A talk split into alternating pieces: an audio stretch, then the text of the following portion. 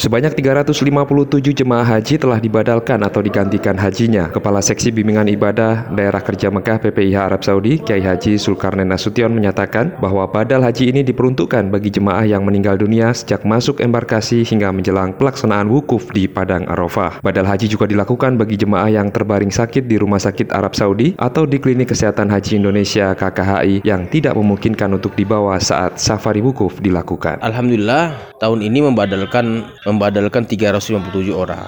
Artinya semua jemaah haji baik itu wafat dan sakit yang tidak bisa kita bawa safari wukuf kemarin itu sudah dibadal hajikan. Total keseluruhan jadi yang wafat dan yang sakit.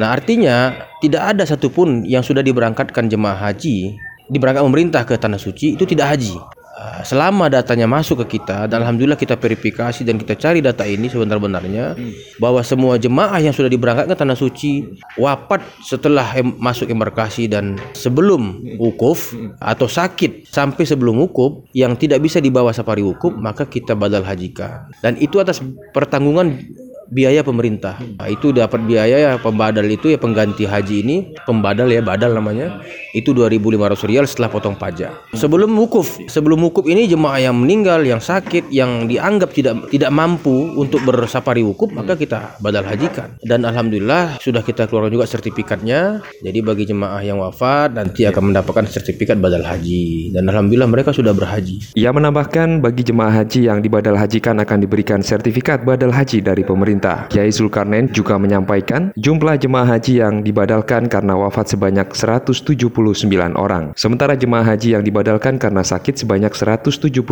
orang. Di antaranya 161 orang dirawat di RSAS dan 17 orang dirawat di KKHI. Demikian dari Mekah Arab Saudi, Anton Riandra melaporkan.